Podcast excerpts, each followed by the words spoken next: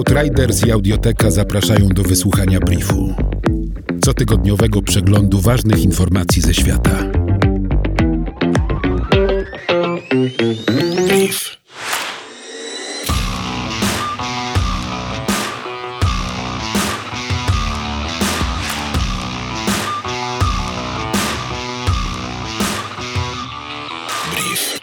W 2007 roku tornado zniszczyło 95% budynków w miejscowości Greensburg w amerykańskim stanie Kansas. Po odbudowie powstało miasteczko o zerowej emisji dwutlenku węgla.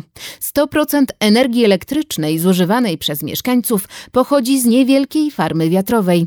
Systemy ogrzewania i chłodzenia mieszkań oparte są na geotermii. Wszystkie budynki są energooszczędne, a do oświetlenia ulic używa się żarówek LED. Deszczówka jest zbierana i służy do nawadniania.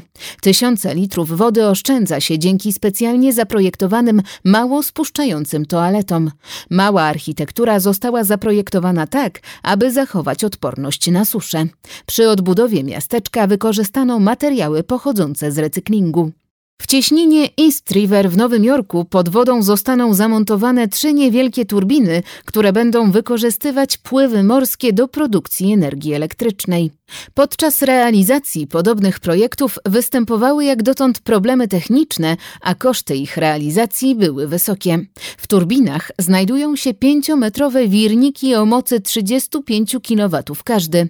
To około cztery razy więcej niż typowy amerykański system solarny zamontowany na dachu budynku mieszkalnego. Na 12 tysiącach hektarów w Newcastle Waters w terytorium północnym w Australii ma powstać największa farma słoneczna na świecie o mocy 10 gigawatów i wartości 20 miliardów dolarów. Dwie trzecie wyprodukowanej tam energii elektrycznej trafi do Singapuru dzięki kablom wysokiego napięcia położonym na dnie oceanicznym. Australia planuje zostać światowym liderem w eksporcie czystej energii dzięki wykorzystaniu odludnych terenów, częstych i silnych wiatrów oraz obfitości energii słonecznej do produkcji wodoru i amoniaku. Brief Outriders. Nowe wydanie co piątek do posłuchania na lekton.audio ukośnik brief. brief. Powtórki przez cały kolejny tydzień na Spotify i w Twojej aplikacji podcastowej. Brief.